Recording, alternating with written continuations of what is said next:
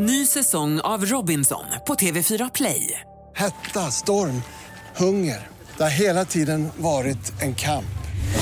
Nu är det blod och tårar. Fan händer just nu. Det. är Detta är inte okej. Robinson 2024, nu fucking kör vi! Streama söndag på TV4 Play. Podplay. Jag gjorde ett utspel i februari, 7 februari tror jag gjorde det, när jag gick ut och tyckte liksom att fan, se över dina placeringar. Är du rätt placerad? Och det, och det var rubriken, är du rätt placerad?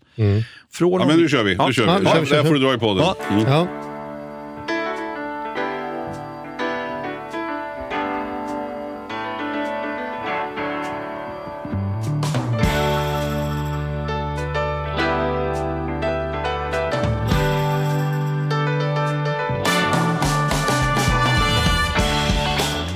Hej och hjärtligt välkomna till veckans avsnitt av Ekonomi på riktigt med Charles och Mattias.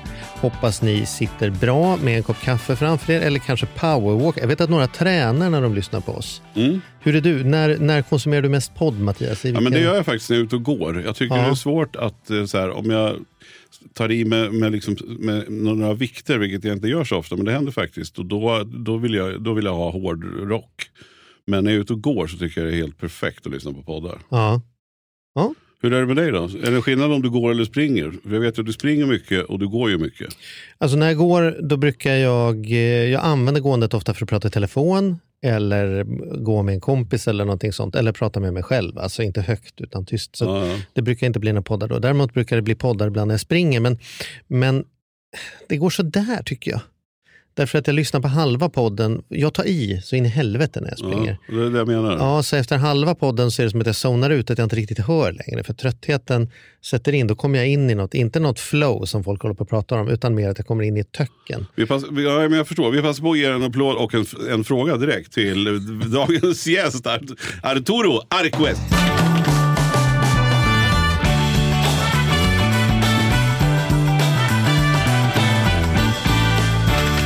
Tackar, tackar. Hur tackar, gör du tackar. när du tränar? Alltså, när lyssnar du på poddar, Arturo? Eh, nej, poddar är nog mer när jag sitter i bilen eller ute och går, som Charlie berättade. Jag känner igen mig i hans sätt. Och när jag tränar, då vill jag gärna ha annan typ av musik för att få lite energi. Vad Annan är det typ för musik energi. då för dig?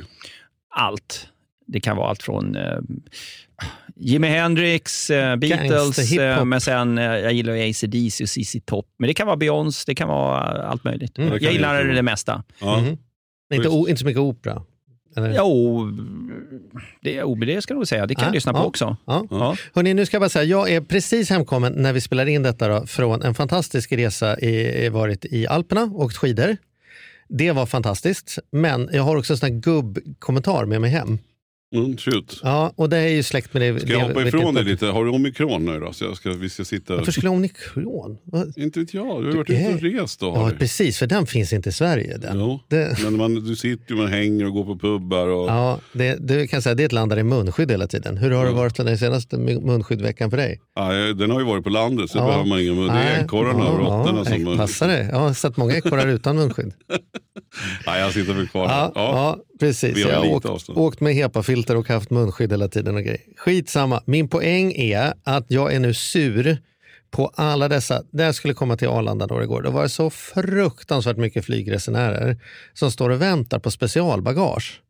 Alltså det, var, det gick inte att komma ut, inte för att jag skulle ha någonting, utan jag med mitt handbagage, för jag flyger med bara handbagage, kunde inte ta mig ur hallen. Det blev som en stor propp för det så tusentals människor som står och väntar på 200 kilo utrustning per person som de har transporterat då, då till Österrike eller till Italien eller något och hem igen.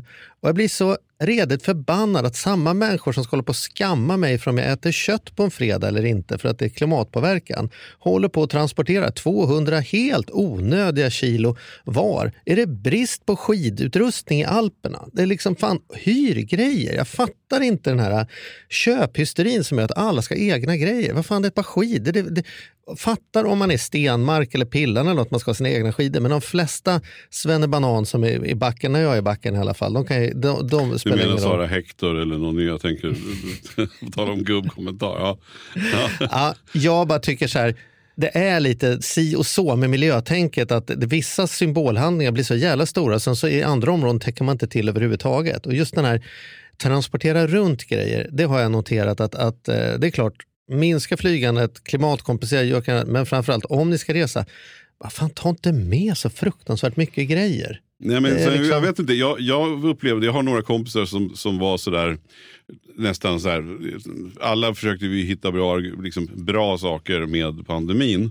Och många av de bra som jag fick höra av mina kompisar, det var de som sa så här, nu har vi varit, alltså, vi har åkt till samma ställe i Alperna i 12 år och vi har inte upptäckt Sverige.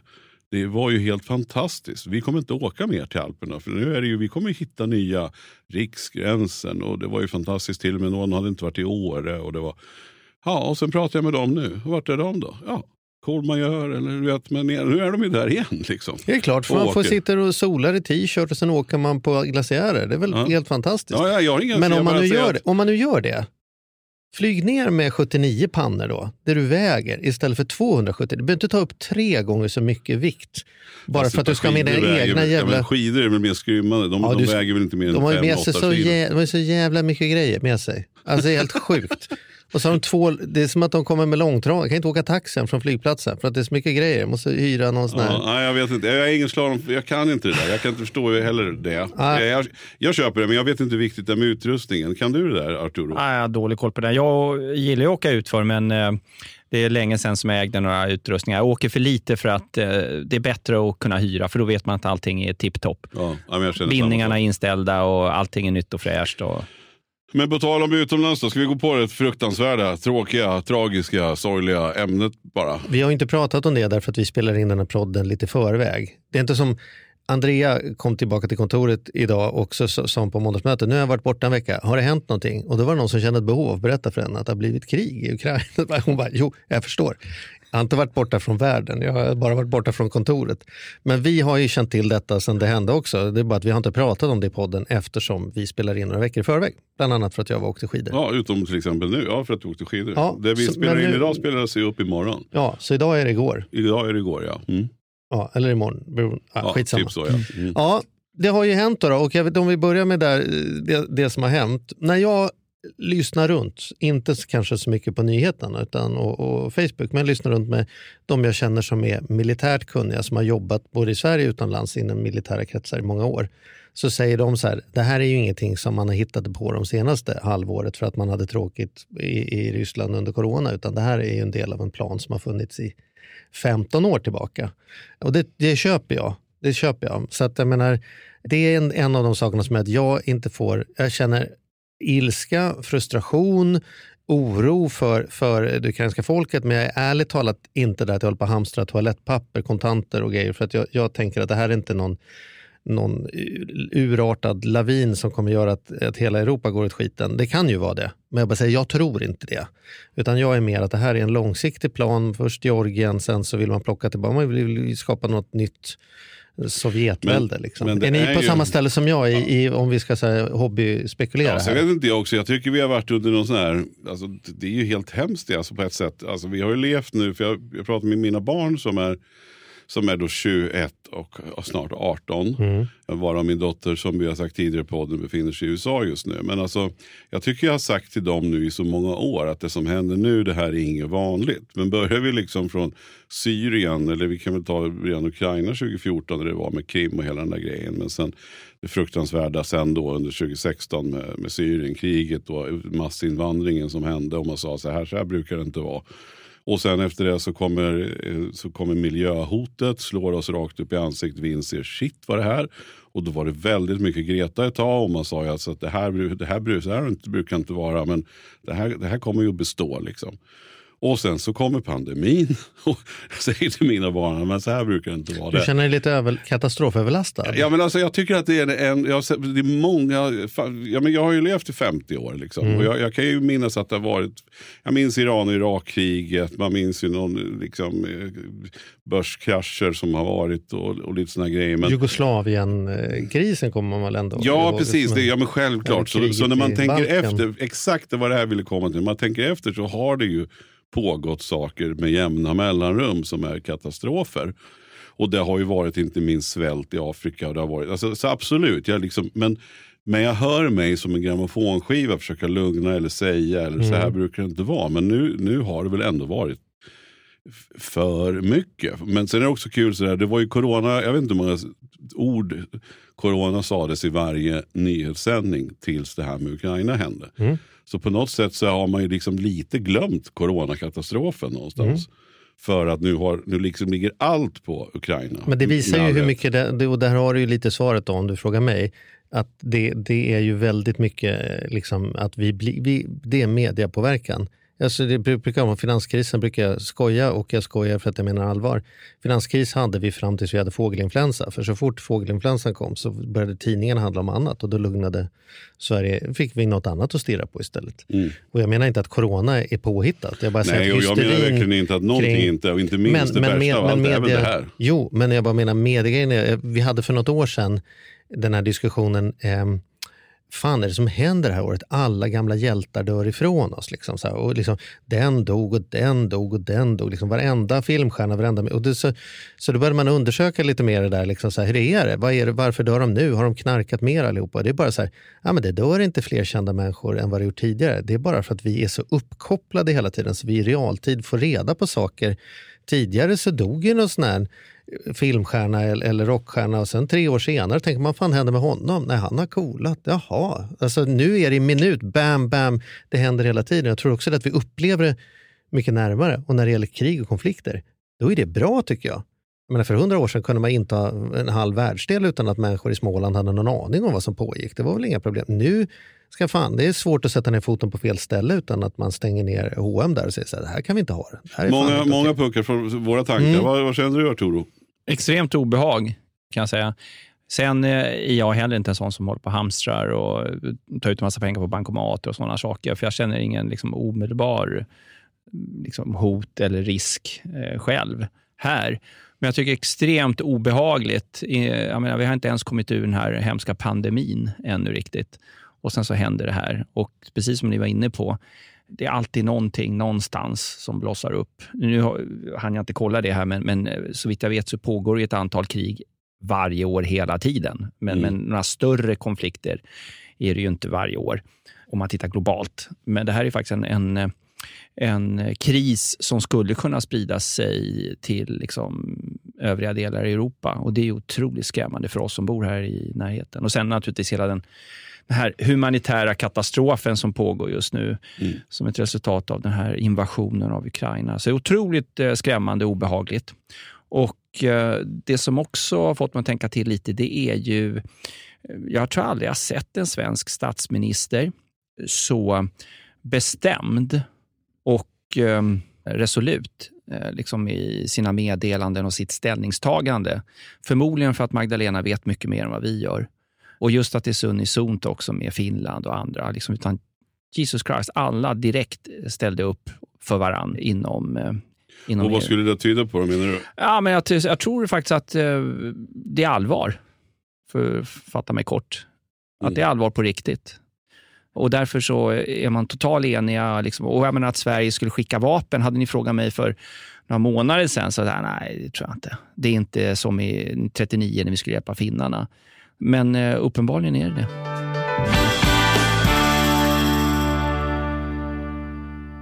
Den här podden gör vi även den här veckan i samarbete med SaveLend. Fan Mm. vad kul det är att ha dem med ombord. Mm. Jätte, jätteroligt. Ja, vi brukar ju prata om att man har något band som man såg jag stod Bo Kaspers jädrigt tidigt liksom, innan man gjort tv-debut. Och du har något hårdrocksband som du var jävligt tidig på. Ja, alltså jag var på, på Lilla Teatern Göta Lejon och såg Metallica Ja. 1984. Så gammal är jag. Och jag var i kontakt med SaveLend när det fortfarande var typ tre, fyra personer där från Mm. början. När jag fick möjlighet att träffa dem. Eh, och nu är de ett stort bolag, fyller tio år, finns på börsen och jobbar helt enkelt med att vanliga privatpersoner och företag kan investera pengar eh, i eh, lån och krediter. Mm. Så man får riktigt bra ränta. Så eh, det rullar på efter tio år, bättre än någonsin. Fantastiskt kul att ha dem med här i podden. Mm. Gå in, testa, kolla. Vi har en kod som gör att om du öppnar ett konto och använder på riktigt får du dessutom en insättningsbonus just. Precis, och vill man veta mer så som sagt gå in på saveland.se. Men Man kan också lyssna på Ludvig som har varit gäst i vår podd två gånger. Får Ja. man en ännu bättre inblick i Ja. vad, vad det är de pysslar med egentligen. Men eh, ja, saveland.se och stort tack. Ny säsong av Robinson på TV4 Play. Hetta, storm, hunger. Det har hela tiden varit en kamp. Nu är det blod och tårar. liksom. Fan händer just det. Det. är Detta är inte okej. Robinson 2024, nu fucking kör vi! Streama söndag på TV4 Play. Ett poddtips från Podplay. I podden Något Kaiko garanterar östgötarna Brutti och jag, Davva, dig en stor dos skratt. Där följer jag pladask för köttätandet igen. Man är lite som en jävla vampyr. Man har fått lite blodsmak och då måste man ha mer.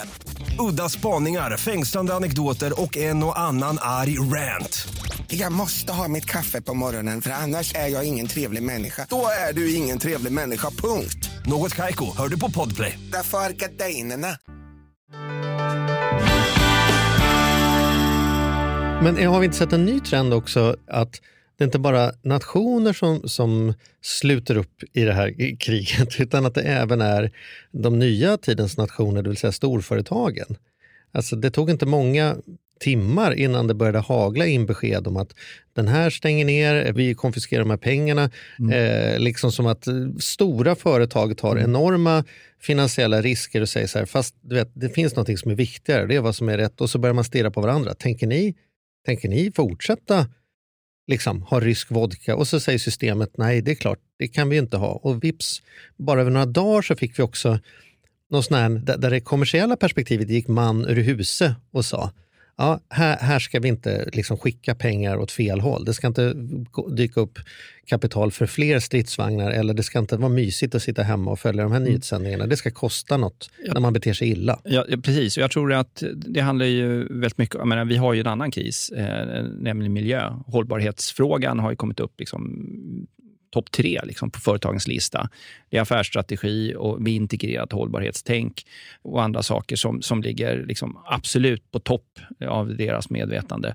Och Många företag som vi känner till i varje fall i västvärlden är ju naturligtvis beroende eh, av hushållens liksom, tankar kring det här med hållbarhet och etik och moral och sådana saker. Så att det är ju ett sätt för företagen att visa att man tar ansvar och att man eh, tycker att det är fel och, och att eh, sälja varor och göra affärer med folk som eh, man inte litar på och som kanske bryter mot de här lagarna, folkrätten till exempel. Att vi kan inte göra affärer med... Men, men är inte det en stor skillnad mot tidigare? Det är inte så vanligt Jo, tycker jag från är- tidigare konflikter att någon ja. drar upp en mikrofon i ansiktet på en företagsledare och Ja. säger så här, ni som kränger möbler, vad, hur förhåller du dig till vad, Ska jag Absolut. ha en åsikt? Ja, du får väl ha öppet eller stängt, det säger något Men, men det positiva med det, det är att eh, makten har ju flyttats ner till konsumenter. Mm. Därför att konsumenterna kan ju då via sitt, sin konsumtion, och om vi kopplar det till hushållens ekonomi och samhällsekonomin så kan vi konstatera liksom att hälften av tillväxten och hälften av BNP, inte bara i Sverige utan i många andra länder, beror ju av den privata konsumtionen. Så att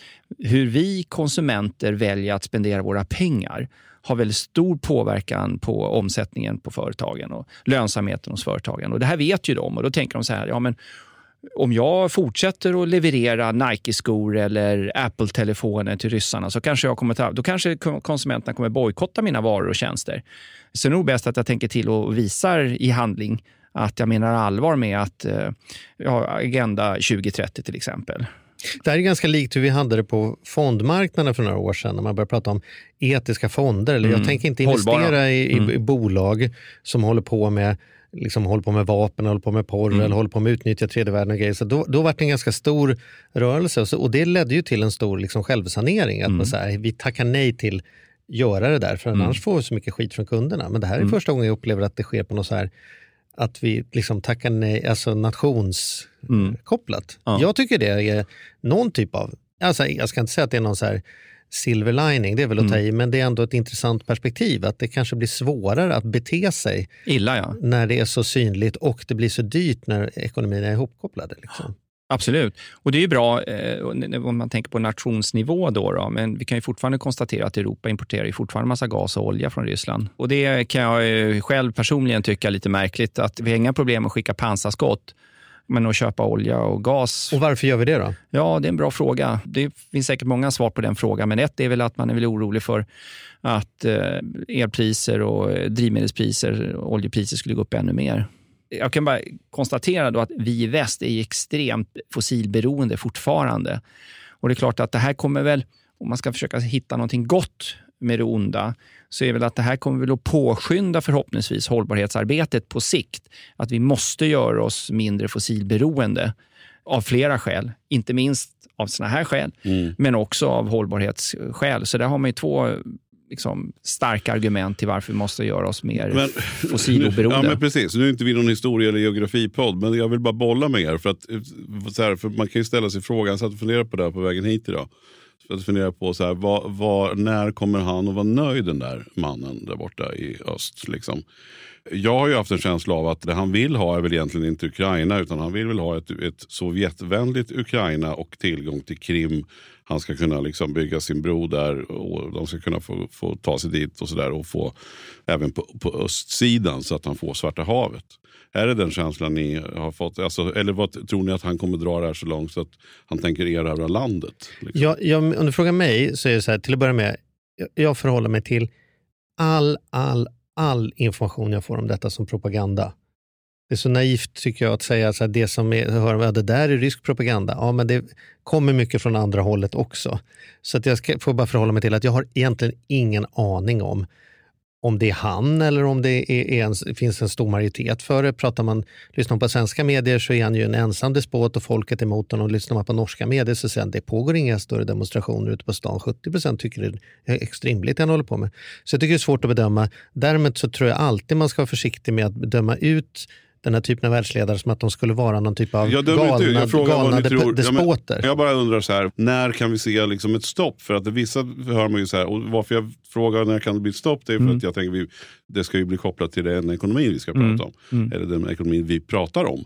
Jag tror att man Eh, har ett 50-årsperspektiv att återupprätta ett Sovjetunionen. Jag tror man skäms över Jeltsin-åren och, och, och, och, och sö- sönderfallet och man vill, man vill bygga upp sig själv som en stormakt igen. Och det tror jag att det finns en del stöd för. Jag menar, det, det är ju, på andra sidan havet hade vi ju liknande situationer, Make America Great Again och vi ser liksom en nationalistisk rörelse som sprids över Europa också. Det vore konstigt om inte motsvarande liksom, verklighet dyker upp även i, i Ryssland. Det, det, det är inte som att det är så himla annorlunda. Alltså den reflektion man gör som privatekonom, eh, det är ju att eh, jag tror att de flesta länder och ledare, politiker, vill ju liksom sitt folks bästa. Någonstans innerst inne så vill man i alla fall tro det som ekonom.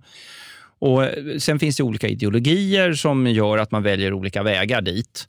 Och eh, för mig som inte följer då varken militärstrategiskt eller liksom den politiska arenan på det sättet som kanske krävs, så, så gör jag lite grann reflektionen som, som Charlie då, att eh, vi kan ju alla se liksom att det har skett misstag från båda sidor.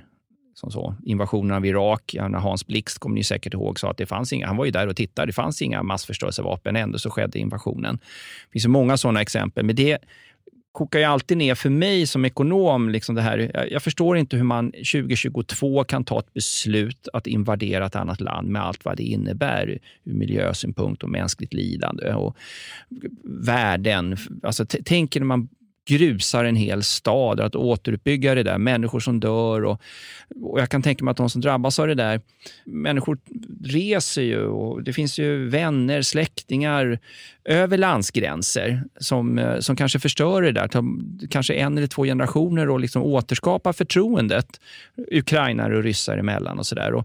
Vi har ju en global ekonomi. Vi, det, det tar Sverige som ett exempel. Vi är ett väldigt litet exportberoende land. Vi är oerhört beroende av att, att världsekonomin utvecklas väl. För gör den det, då går det bra för Sverige. Och när det går bra för Sverige så går det bra för oss hushåll. Det är inte svårare än så. Det är klart att allt det här som leder till konflikter och krig och att, att vi slutar göra affärer med varann och att man, eh, som nu då, och vilket jag tycker i och för sig är rätt, då, då att man stänger stora delar av det ryska banksystemet och sådana saker. Jag förstår allt det där och jag tycker det är rätt. Jag står bakom allt det där som är gjort. Men eh, som ekonom så reflekteras man över då liksom att återigen, here we go again. Liksom. Nu, nu drabbas folk. Eh, en del får sätta livet till, allt för många. Och eh, ekonomiskt så drabbas liksom stora delar av jordklotet. Jag tycker det är otroligt beklagligt och olyckligt. Och Då blir man naturligtvis bekymrad att fan, 2022, jag trodde vi hade kommit lite längre. Liksom. Ja, det hade man ju hoppats på. Men vi har ju inte det men, uppenbarligen. Men om vi Nej, inte tydligen. tittar på honom då, att Mm. där har vi ju uppenbarligen ingen som sitter här och försvarar överhuvudtaget det som pågår. Det Nej, kan vi bara vara inte. helt tydliga Ja. med. Och om vi tittar på våran del, om Mm. man ändå då har sett, du pratade om redan 2016, Har vi som nation tagit våran ansvar ur ett finansiellt perspektiv? Alltså när vi pratar om att vi skickar pansarskott, hur många pansarskott har vi skickat till Ryssland de senaste tio åren? Tack vare att vi har varit ett exportberoende land som, har, har, som jag upplever har monterat ner mycket av vårt egen energiförsörjningsförmåga till, och importerat det. Det är ju många miljoner, alltså det är lite naivt att man håller, alltså är man en knarkare då stödjer man ju liksom hur folk behandlas i, i Colombia och eh, är man beroende av, av gas och olja då skickar vi ju pansarskott och, och eh, stridsfordon, eh, möjlig, köpkraften till det, inte Ryssland. Mm. Är, det, är, är det någonting, känner du ur ett så här, ekonomi eh, Fast den här ekvationen förstår inte jag riktigt alltså, vad du menar med det. För att nu, i det här fallet så handlar det om ett, nöd, ett nödkatastrofläge där folk... Jo, men Alltså- jag, jag menar en del av det som händer nu, hur tragiskt den är, kan jag ju tycka att vi delvis kunde räknat ut med arslet att det skulle hända. Det har funnits tecken ganska länge på att det finns en aggressivitet Och men i man Ryssland, trodde en väl ändå inte att att, utöka. det skulle, det var väl lite grann Nej, som men- när, när, när USA höll på nere och när det var med, med, i Afghanistan och, och runt där så var det ganska hett och Iran var inne och sen visade det sig att de hade ju skjutit ner sin egen, liksom, det var ju väldigt spänt ett läge där. Det, det, det är klart att sen krävs det väldigt mycket innan det, någon ska trycka på någon knapp liksom, som, som gör att det utbryter fullt ut. Men det var väl ändå, jag tror ändå att det var många som faktiskt, alltså alla världsledare och förståelsepåare var nog inte alls säkra på att det faktiskt skulle hända det som hände. Det var nära, de riggade upp, men sen var det också det här att de till och med själva sa att vi, vi backar nu, så här, vi ska föra diskussioner. Så att, ja, jag vet inte fan alltså. Det verkar, jag tycker det verkar galenskap. Mm. Det är en, en eh, humanitär katastrof under alla omständigheter och det är klart att, eh, att återupprätta det här förtroendet och jag menar, precis som jag sa när vi förhoppningsvis var liksom i slutet av den här pandemin och skulle kunna få se liksom en återhämtning och liksom få gå tillbaka till någonting som är lite mer normalt då, då eh, så, så hände en sån här sak. Så liksom, otroligt olyckligt och tragiskt. Det är bara att hoppas på att den här konflikten och kriget tar slut eh, så fort som möjligt. Men både pandemin och det här är ju fruktansvärt tragiskt och folk har fått sätta livet till i båda Mm. fallen. Sen kan man tycka att det här är kanske än jävligare därför att det finns en illvilja och att det finns faktiskt andra människor som skjuter på andra människor. Pandemin är ändå, ändå någon, någon slags i, i, mindre levande varelse som ställer Ja. till det om vi säger så. Mm. Men, men jag minns ju då när, vilket jag refererat till flera gånger i podden, när du och jag och Charlie poddade precis när pandemin Bröt när det sköt till. Liksom. Mm. Och när vi stängde av så du sa att fan jag är orolig på riktigt för börsen. Liksom. Mm. Men lärdomen där var ju sen då i alla fall att ja, börsen stack och det hade du alltid, alla, vi, vi var väl alla där då. Men, men hur ska man tänka nu? För det vi några gjorde, som, då gick man in, för det är den här klassikern som jag vet Charlie har upprepat Mm. tusen gånger. Att när börsen går upp då, då handlar folk och när börsen går ner så säljer man. Och man ska Mm. göra egentligen precis Mm. tvärtom. Mm. Jag tänker för våra lyssnare nu då. Mm. Om man har pengar över, är det nu eller är det snart? Eller är det, för vi har ju sett en kraftig nedgång Mm. på alla plan. Är det nu man ska liksom gå in och vara kall eller ska man vänta lite till? Jag förstår att det är skitsvårt att ge Ja. ett svar. Men alltså, vad är känslan? För vi har ju ändå varit med om jävligt otäcka saker liksom, och börsen då. Ja. Som, som inte senast pandemin. Vad, vad tror du? Jag skulle säga så här, att, att om man tittar tillbaks eh, historiskt och sett liksom, vilken strategi funkar bäst på börsen, då kan man konstatera att den som är långsiktig och sparar regelbundet och som inte underskattar avgifternas betydelse, det är den som är vinnaren över tid. Men det man också ska komma ihåg då, det är att till varje eh, liksom, säljare av en aktie så finns en köpare med en annan sparhorisont.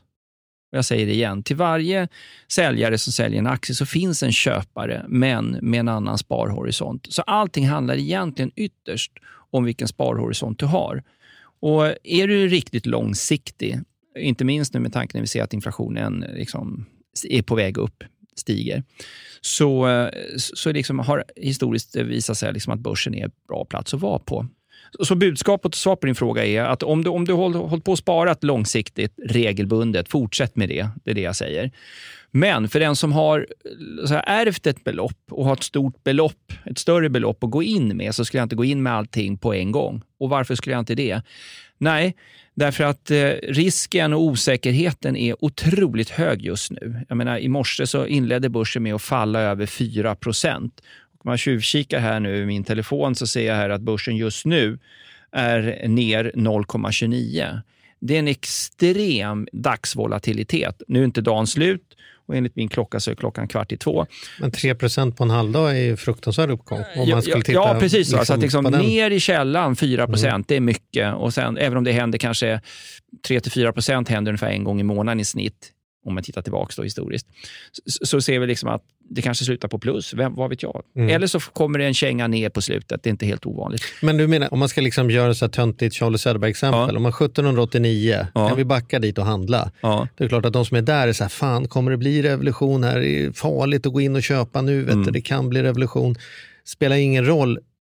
2019 spelar ingen roll om du hade köpt före eller efter revolutionen. Jämfört med, med vad priserna var då Ja. så har du tjänat fruktansvärt mycket ändå. Ja. Och det är liksom lite samma, har du 20 år på det, då borde det högst rim- rimligtvis inte spela någon roll om du är före eller efter toppen eller dalen. Mm. Framförallt om alternativet är att sitta och göra ingenting i 20 år. Men har du en miljon ärvt, då kanske man ska lägga in 10 000 Men om vi- i månaden. Då. Ja, därför att pengarna... Jag menar, hade, det är klart att återigen teoretiskt, då, man går in med allt nu eller allt om en vecka. Teoretiskt spelar det ingen roll om du har en oändlig eller evig sparhorisont. Men, men folk har ju inte eh, riktigt en evig sparhorisont. Nej. Utan de flesta har ju kanske 5 eller 10 eller 15 år om vi pratar aktiemarknaden. Väldigt många. Och det är klart att mm, går man in fel, låt säga att du går in idag med allting och sen säger vi att börsen skulle falla 30-40 procent. Jag säger inte att det kommer att ske, men i händelse av att det skulle inträffa, klart då vore det jävligt trist att gå in idag med allting. Mm. Och Det kan ju ta lång tid, det kan ju ta 3, 4, 5 år innan du är tillbaka. Men det är ju billigare nu än för tre veckor sedan också. Absolut, men, och det är ett viktigt men, börsen gick 35 procent förra året och fram till årsskiftet, från det att pandemin bröt ut fram till årsskiftet så hade börsen gått 70 procent. Det ska vi inte heller glömma bort.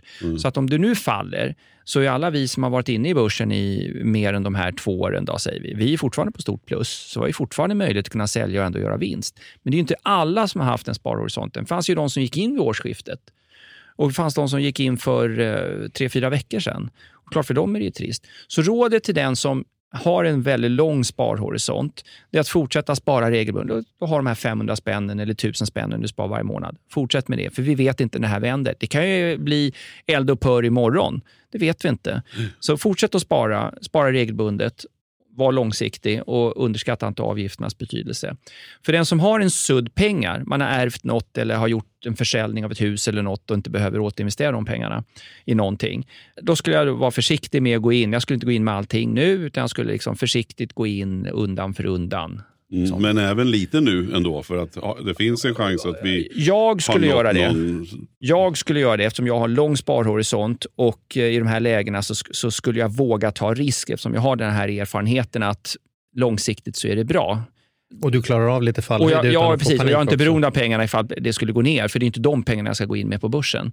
Så att beroende på sparhorisont och riskvilja så, så skulle jag säga att eh, fortsätt spara regelbundet eh, och för den som har en större sudd pengar, gå inte in med allt just nu eh, eftersom vi har det så otroligt osäkert. Eh, däremot så skulle jag säga att börsen är ett bra ställe att vara på om man har en lång sparhorisont och då pratar vi om sju, åtta år eller längre. Du, eh, vi ska avsluta det här samtalet. Det blir lite konstigt för vi är en ekonomiprodd och vi pratar ekonomi fast vi är i Ukraina-frågan. Så vi kan bara säga att våra, gemensamt för oss, våra tankar är förstås med de människorna som behöver utstå detta på riktigt och är på flykt. Och, och till alla er som lyssnar här, låt oss se till att dels hålla både hjärtat och huvudet öppet nu och se till att vi kan vara med och bidra på alla de sätten vi kan. Det är både med köpkraft men det är också med ibland bara ett lyssnande öra och inte allt för hårda ord i sociala medier eller vad som helst. Och sen så det som jag är min favorit i sådana situationer är ju som keep calm and carry on. Vi behöver inte gå in i någon toppspiral så att vi, vi tappar logiken i vad som pågår bara för att det är mycket läskiga rubriker. Jag gick förbi en hälsokostaffär på vägen hit som hade tagit ner allt skyltning och ersatt det med stora svarta plakat där det står vi har jod. Vilket ju är en, en, signal om att man tror att den jod man köper i hälsokostaffären på något sätt skulle hjälpa mot kärnvapenkrig. Där behöver vi ta ett djupt andetag och förstå att det pågår skit i Ukraina men, men jag tycker inte vi behöver sprida till våra barn någon typ av av liksom traumatisk stresssituation över att världsläget gör att vi, vi eh, borde kura ihop oss i någon håla. Som Nej, jag, jag tänkte fylla på med barnen, för som jag inledde med att säga just det här när jag pratar med mina barn hela tiden, även om de nu inte är så, så mycket barn.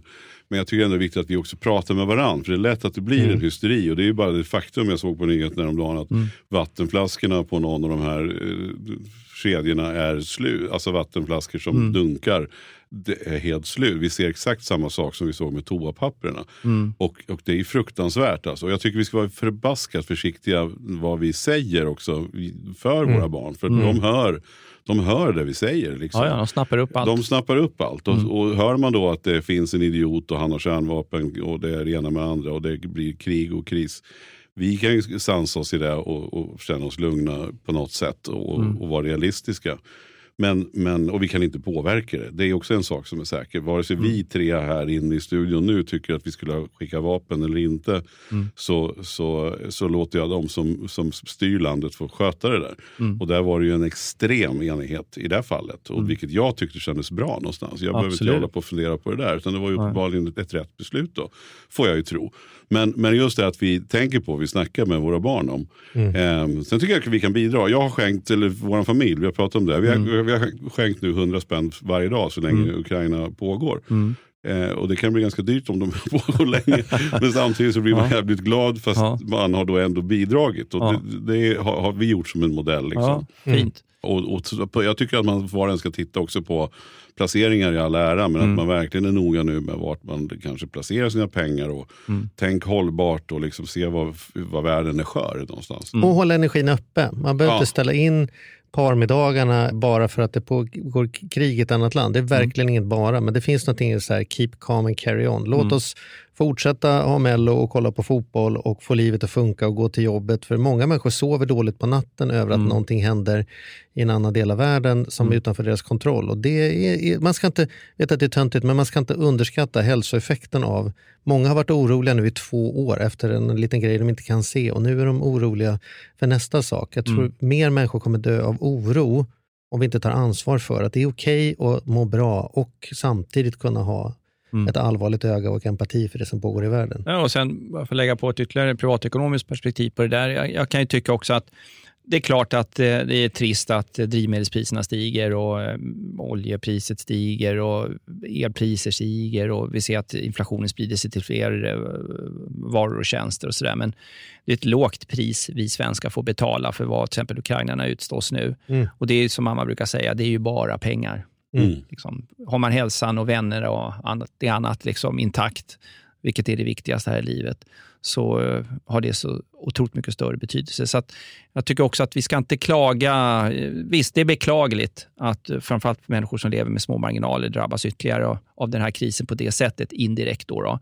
Men eh, vi får också komma ihåg att det är ett lågt pris vi får betala då för det som pågår just nu. Så att det, det tycker jag vi får svälja helt enkelt. Att det blir lite dyrare, vi får lite sämre köpkraft 2022. Men som sagt, i det stora hela är det viktigt att vi är friska, att vi har våra vänner och att vi mår bra. Absolut, det får nästan bli slutorden tycker jag. Det tycker jag. Arturo, som alltid, tack för att du kom hit. Tack snälla. Klurigt ämne idag, men det känns ju viktigt att även vi pratar om det som faktiskt pågår. Ja, det blir mycket följder på det här. Alltså, jag hoppas att du kan snart komma tillbaka. För Mm, det, här, det gärna finns det. ju mycket intressant kring vad kommer då att ske nu. Som du var inne på här nu på slutet. med hur vi drabbas eller hur det Mm. kommer att se ut med elpriser och sånt framöver. Men eh, låt oss återkomma till det ganska Mm. snart. Om, Ja. du, om du har lust och vill Gärna, och kan. så. mer än gärna, det vet ni. Jättebra. Tack så jättemycket för att ni har lyssnat allihopa. Vi är tillbaka om en vecka.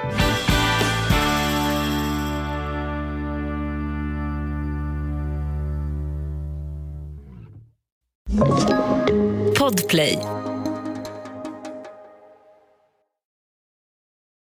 Ny säsong av Robinson på TV4 Play. Hetta, storm, hunger. Det har hela tiden varit en kamp. Nu är det blod och tårar. Fan händer just nu. Det. är Detta är inte okej. Robinson 2024, nu fucking kör vi! Streama söndag på TV4 Play.